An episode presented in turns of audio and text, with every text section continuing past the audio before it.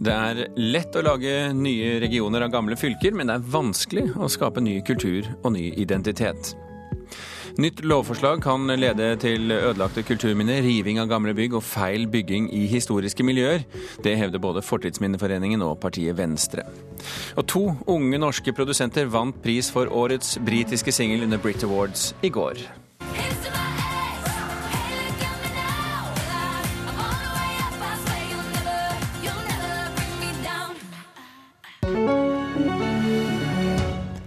Vår reporter kommer straks inn og forteller deg det, det, det, du trenger å vite om Brit Awards. Og i slutten av sendingen så skal du få møte Bergens nye byarkitekt.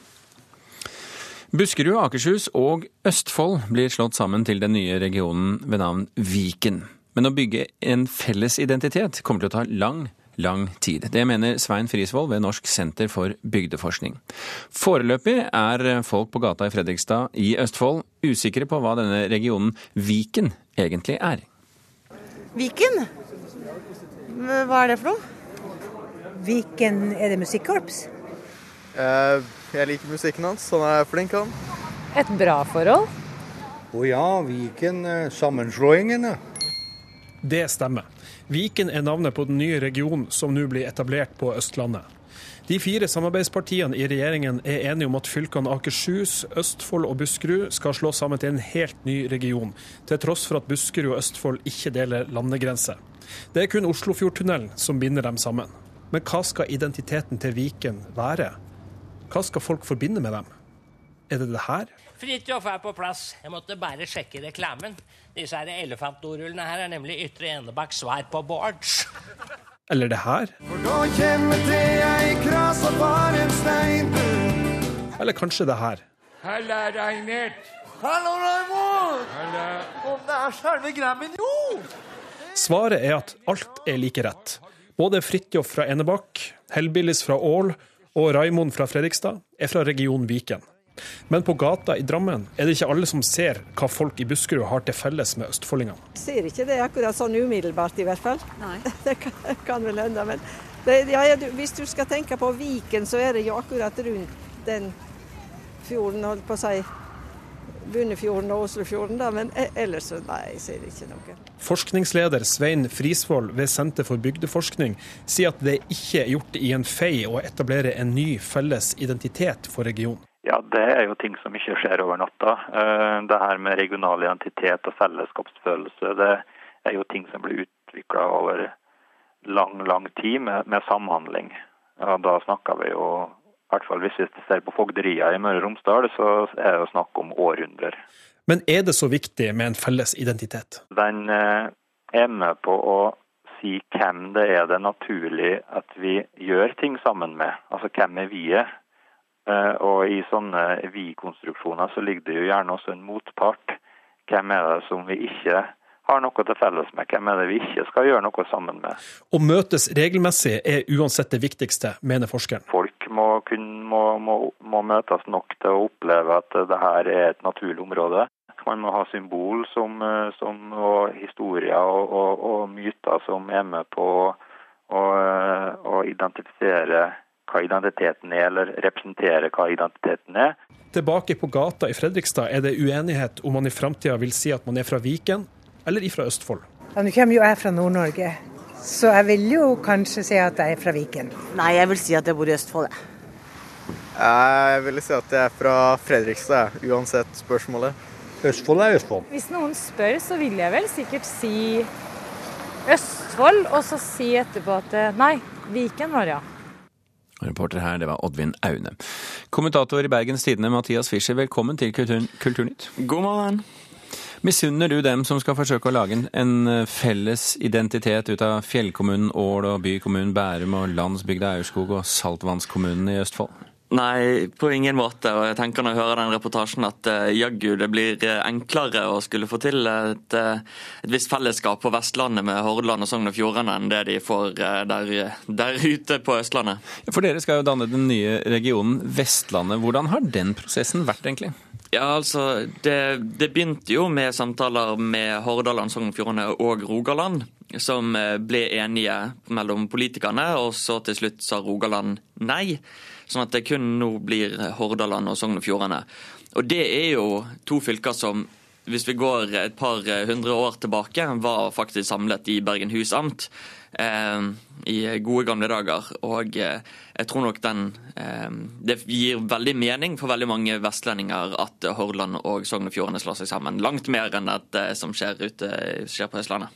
Men Rogaland skulle jo også være med, eller var i hvert fall med i prosessen, som du sa. Og Møre og Romsdal kunne jo rent sånn geografisk kanskje se ut som de kunne være med, de også.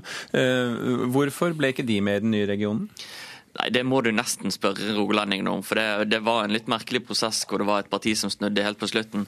Eh, men det er jo et spørsmål, helt klart et spørsmål om identitet. Altså at For de fleste i Hordaland og Sogn og Fjordane så gir det eh, fellesskapet mening. Men da er det viktig å huske at eh, Rogaland er jo også ja, det strekker seg ganske langt sør. Så selv om det for haugesundere og karmøyere gir veldig mening å skulle gå til, eh, til Hordaland, så det ikke, er det kanskje ikke like logisk for uh, folk fra helt sør i Rogaland å skulle være en del av samme region som uh, de helt nordre delene av Sogn og Fjordane. Men hvor viktig var spørsmålet om nynorsk, da?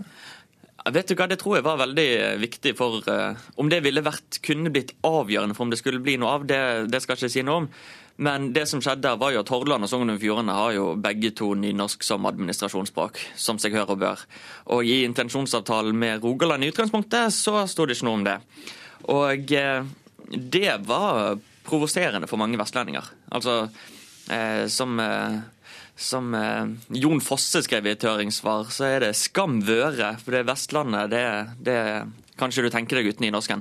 Eh, sånn at Da Rogaland falt fra, så ble jo det problemet løst ganske raskt. Men det sattes inn i kok hos veldig mange vestlendinger, det der at man skulle prøve å se for seg vestlandsfyl et vestlandsfylke eller en vestlandsregion uten nynorsk som administrasjonsspråk. Men som i tilfelle Viken, skal man bare droppe dette forsøket på å lage felles identitet, og bare la identitet være lokal? Jeg tenker at sånn, I utgangspunktet med hva et fylke og en region skal utøve av oppgaver, så er kanskje ikke det er i utgangspunktet så veldig lett å skape de identitetene, og kanskje det er mindre viktig der enn det det er i disse kommunesammenslåingsdebattene. Der tror jeg nok kultur spiller en mye større rolle. Og jeg tror at for, for oss på Vestlandet så har ikke dette så veldig stor endring sånn kulturelt eller identitetsmessig. Fordi Eh, særlig i Hordaland så har du ikke en veldig sterk fylkesidentitet. Folk eh, er nok bergensere først, eller eh, folk fra Hardanger først, og så deretter vestlendinger. Det er få som bærer snakker om noe stolthet med å komme fra Hordaland. Mathias Fischer Fi i Bergens Tidende, takk for at du var med i Kulturnytt.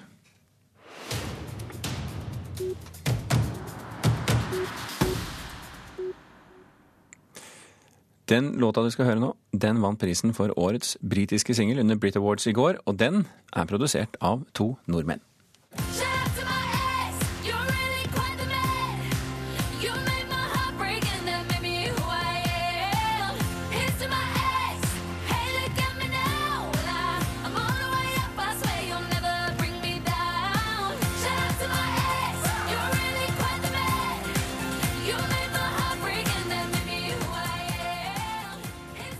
Reporter Kirsti Falk Nilsen, hva er det vi hører her? Det er låta 'Shout Out To My Ex' som er produsert av to gutter fra Vestlandet. Henrik Barman Mikkelsen og Edvard Førre Ærjord. Som vant pris på Brit Awards i går. Og de kjenner hverandre fra før? De kjenner hverandre fra før. De, er, de møttes på denne Paul McCartney-skolen Lipa for noen år siden og har hengt sammen sida. Og det er ikke første gang de gjør det bra. De har samarbeida med artister som Sheryl eh, Cole, Florence and Machine og Ronan Keating fra før. Og så Alan Walker han var jo nominert, altså denne bergenser-vestlendingen. Ja, han vant dessverre ikke. Men en som, som, derimot vant, det er David Bowie. Han fikk to priser for henholdsvis beste mannlige artist og beste album Blackstar. Vanskelig fyr å slå det der. Vi skal videre til Skam. Hva har du å fortelle om Skam? Det er Even og Isak fra Skam som er med i finalerundene når det årets TV-par skal kåres. Det er nettstedet i online som står bak kåringa, og det er leserne sjøl som bestemmer hvem som stikker av med seieren. Så nå kan man gå inn og stemme. Ja, og de har kommet med, til tross for uh, alle motstandere i at de egentlig ikke sendes i utlandet. Men uh, I hvert fall ikke i England, men folk har nå fått tak i det likevel. Tusen hjertelig takk, Kirsti Falk Nilsen, for at du orienterte.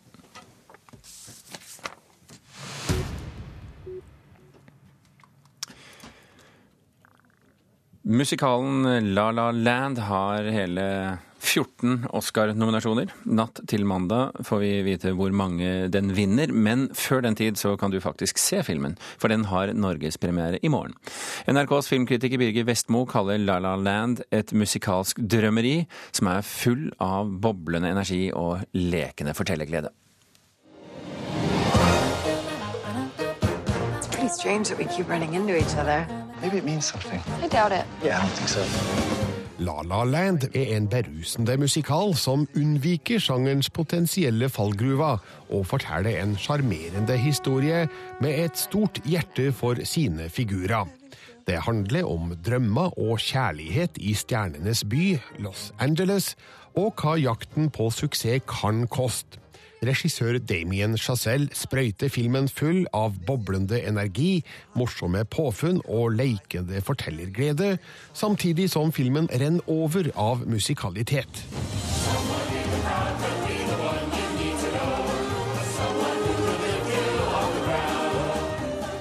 Regissøren legger lista høyt helt fra start, med et sprettent og innholdsrikt nummer blant bilister i en fastlåst kø på ei bru. Så introduseres vi for Sebastian, spilt av Ryan Gosling, og Mia, spilt av Emma Stone, som følger hver sin drøm. Han vil åpne jazzklubb, mens hun vil bli skuespiller.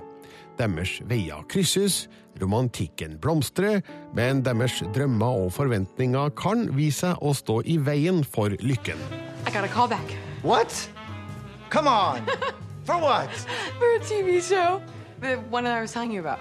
La La Land er proppfull av filmatiske påfunn som vitner om en ung regissør som ikke har rukket å stivne i formen. Damien Chazelle tar stadig sjanser som kun har slått feil, men som fungerer fortreffelig, både takket være god musikk og dyktig koreografi, men også av svenske Linus Sandgrens flotte foto, der bildene matcher lydsporets musikalitet med virtuos kameraføring. City of stars, are you shining just for me? Det er i det hele tatt lite å kritisere La La Land for. Den har kanskje ikke den mest oppsiktsvekkende historien, og kun har berørt enda sterkere, men fortelles òg energisk og engasjerende, kombinert med vare og avdempa øyeblikk som Chazelle lar utspille seg med beherska ro. Filmen avrundes på et nydelig vis med et visuelt slående og godt koreografert resymé av både det som har vært, og det som kun har vært. La La Land er et musikalsk drømmeri som man lett kan la seg rive med av, med nynnbare toner som fester seg i øret, og flotte bilder som klistrer seg til øyet.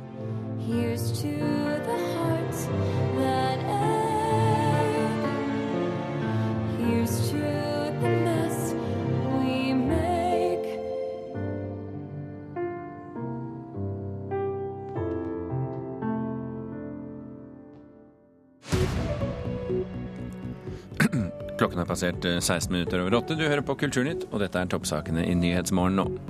Telenor går ut av det indiske markedet etter å ha investert 25 milliarder kroner der siden 2008. Det opplyser selskapet i en børsmelding. EU innfører strengere passkontroll. Alle som skal inn og ut av Schengen-området vil få passene sine kontrollert mot flere databaser.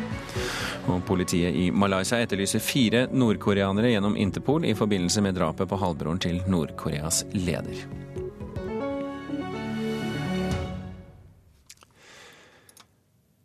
Et nytt eh, lovforslag kan få dramatiske konsekvenser for verneverdige bygg over hele landet. Det frykter Venstres nestleder Ola Elvestuen. Stortinget skal i dag behandle et forslag om å endre plan- og bygningsloven. Og også Fortidsminneforeningen er bekymret og mener forslaget øker faren for at man enten river noe man burde tatt vare på, eller bygger noe nytt som ikke passer inn i omgivelsene. Veldig flott, eh, de treutskjæringene her, da. Sten Larre i Fortidsminneforeningen stikker hodet inn i gangen på den gamle, gule trevillaen og knipser borti en roterbar klesknagg. Og det, det huset her er jo rimelig forfalt, så det er bra at, at, at det gjøres ting. Den gamle trevillaen på Rodeløkka i Oslo skulle egentlig rives, men ble reddet på overtid. Nå er hagen full av vintersol, armeringsjern, lekter og arbeidshjelmer, men Fortidsminneforeningen frykter at det vil gå langt dårligere med andre gamle bygg i tiden som kommer, dersom det nye lovforslaget blir vedtatt i Stortinget i dag. Konsekvensen tror jeg er at det blir gjort flere feil, og at, at det blir mer, det mer hastverk. Jeg syns det er ganske udemokratisk, faktisk. Det Fortidsminneforeningen frykter, er at lovforslaget vil begrense muligheten til å sette behandling av byggesaker på vent, til kommune, folkevalgte og innbyggere får satt seg godt nok inn i sakene. Noe som øker farene for at man sier ja til å rive noe gammelt man egentlig burde tatt vare på, eller bygger noe nytt som ikke passer inn i omgivelsene. Jeg mener det er, eh, det er, dramatisk. Det er ingen tvil om at det svekker eh, lokaldemokratiet. Det vil gjøre til at eh, flere bygg blir revet som ellers ikke ville blitt det. Det sier nestleder Ola Elvestuen i Venstre. Han mener problemet vil gjøre seg gjeldende i hele landet, men nok være størst i de store byene, som har flest byggesaker. At du har eh, liksom titalls bygg som vil eh, bli revet, og ellers kanskje ikke ville blitt det, bare på denne endringen, det er det ingen tvil om. Jeg hører hva han sier, jeg frykter vel kanskje ikke det. Sier Odd Henriksen, som sitter i energi- og miljøkomiteen for Høyre. Han bekrefter at målet med det nye forslaget er å forenkle plan- og bygningsloven. Sånn at man eh, kan få sakene eh, litt raskere gjennom i forhold til eh, saksbehandlingstid i, i kommunene. Men bekymrer seg altså ikke for at det kan gå for fort. Han mener de tolv ukene norske kommuner har til å sette seg inn i byggesaker, vil være nok også med det nye lovforslaget, og at mulighetene for utsettelse også vil være gode nok. Hvis de ikke reagerer innen tolv uker, eller etter at en utvida frist er satt, så syns vi det er riktig at tiltakshaver skal få lov å bygge i henhold til gjeldende regler. Og nå må du holde deg for ørene.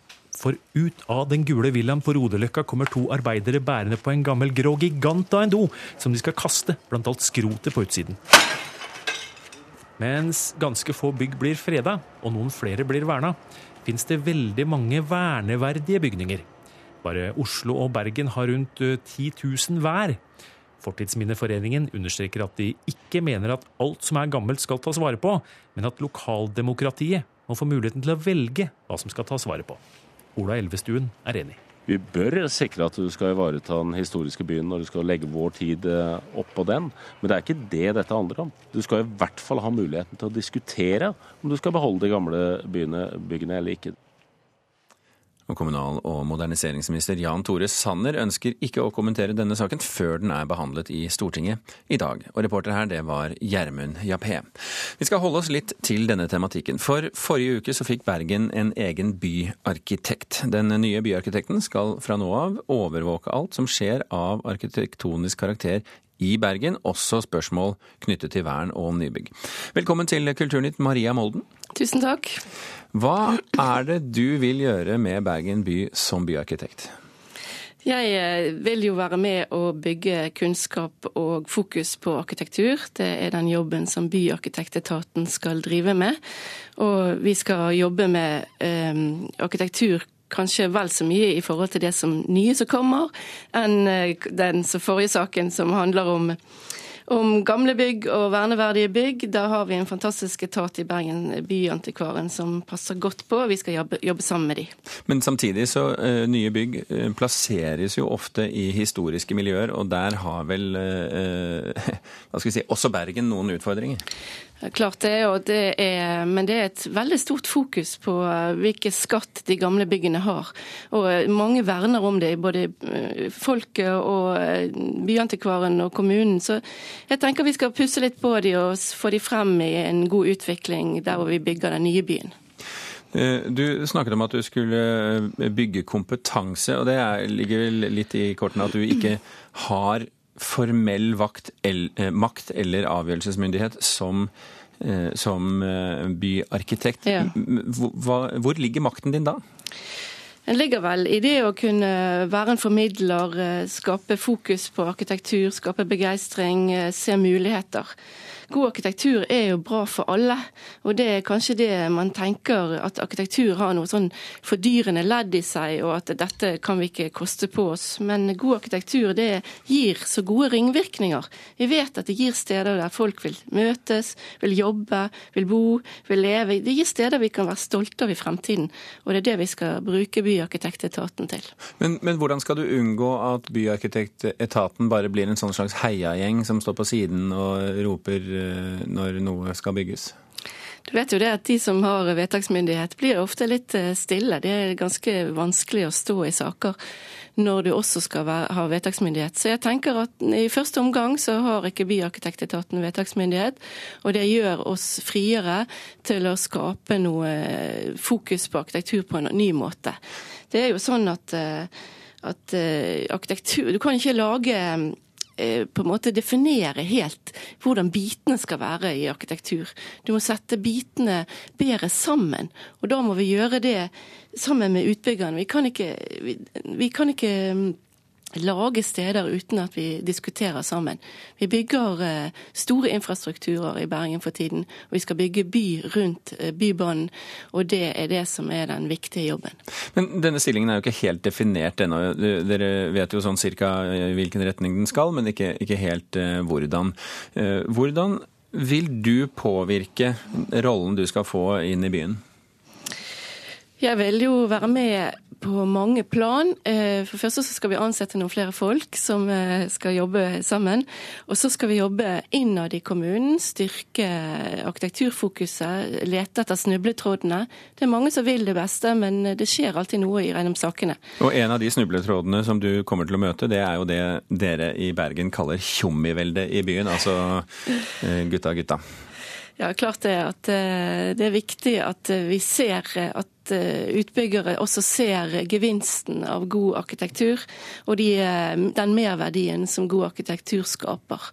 Det er ikke tilfeldig at vi har prosjekter og bygg her i byen som har gjort store ting for for byen, f.eks. høyskolen, hvor det er en sånn stolthet rundt høyskolen. Og den har gitt masse nye professorater, den har gitt masse ny stolthet som gjør at mange vil jobbe der, mange vil gå der, mange blir begeistret. Kunst skjer der, ja. Du runder av ditt virke som arkitekt i byen Bergen nå. Så skal du vel få en liten sommerferie, og så skal du bli byarkitekt i august. Maria, tusen hjertelig takk for at du var med oss, Maria Molden. Og så snakkes vi videre når høsten kommer, tenker jeg. Det gjør vi. Fint. Ha det bra. Ha det.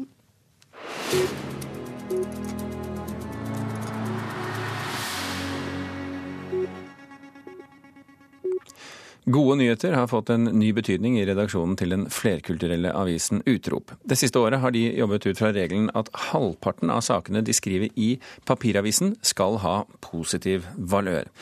Effekten ser de på nett. Det som leses og deles mest, det er gladsakene. Her ser vi saken om eh, Lilas Alasim, 21 år fra Syria. Kunne så vidt si hva hun het på norsk da hun begynte på videregående. Tre år senere kom hun inn på medisinstudiet i Oslo.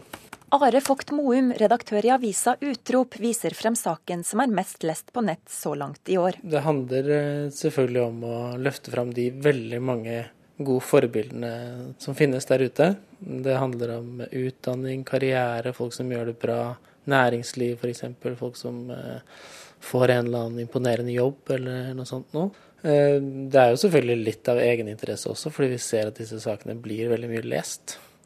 Eh, og vi vil jo gjerne ha mange lesere. Det siste året har strategien til Utrop, som er en avis om det flerkulturelle Norge, vært at halvparten av sakene i papiravisa skal være positive. Ja, vi ser at de sakene som tar tak i myter, ideer, fastgrodde forestillinger om innvandrere som måtte ha spredd seg litt eh, i befolkningen og kanskje blir spredd også mye på sosiale medier.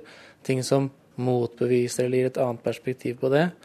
Det, det deles mye. Det har kommet veldig mange negative saker gang på gang på gang, og det har vært en problemfokusert journalistikk på det flerkulturelle feltet. Hvis en kan få litt andre fokus, så er det også veldig sunt. Det sier Elisabeth Eide, som er professor i journalistikk.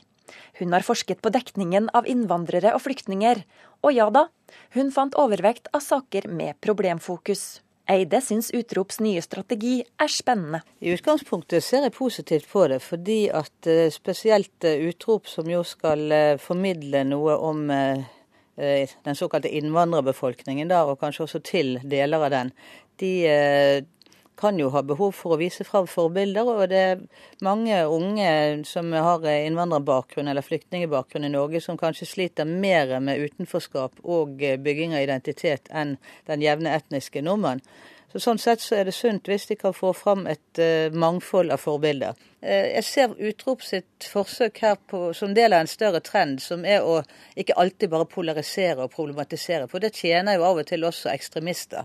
Allerede i 2015 begynte Aftonbladet i Sverige med en egen redaksjon for gode nyheter av ulike slag. Eh, det var et kjempebra respons, og vi ser også at det her er materiale som går veldig bra i sosiale medier. Det forteller redaktør for gode nyheter i Aftonbladet, Helena Mastberg. De forteller historien om bussjåføren som har hjulpet noen som lå i snøen, om dama som samlet inn klær til nyfødte. Det er mye eh, hemskheter som hender i verden just nå. Og det merkes virkelig at leserne har et stort sug etter positive greier, folk som gjør sine saker for hverandre, og sånt som kan inspirere til å skape en bedre verden. Man blir matt nesten av å se alle de negative historiene. Så får man noe positivt, og da, da er det en sånn god opplevelse å kunne dele det videre og vise det fram. Sist her hørte du redaktøren i Utrop, Are Vogt Moum. Reporter i saken var Grete Kielland Jensen. Kulturnytts sendetid her i Nyhetsmorgen er nå over. Øystein Heggen er snart klar med de siste nyhetene om at irakiske styrker rykker frem i Mosul. Men først det skal du få Dagsnytt, og enda før det litt nyheter om hva som kommer her på P2. Birger Kåser Jåsund og Stine Traalt takker for følget.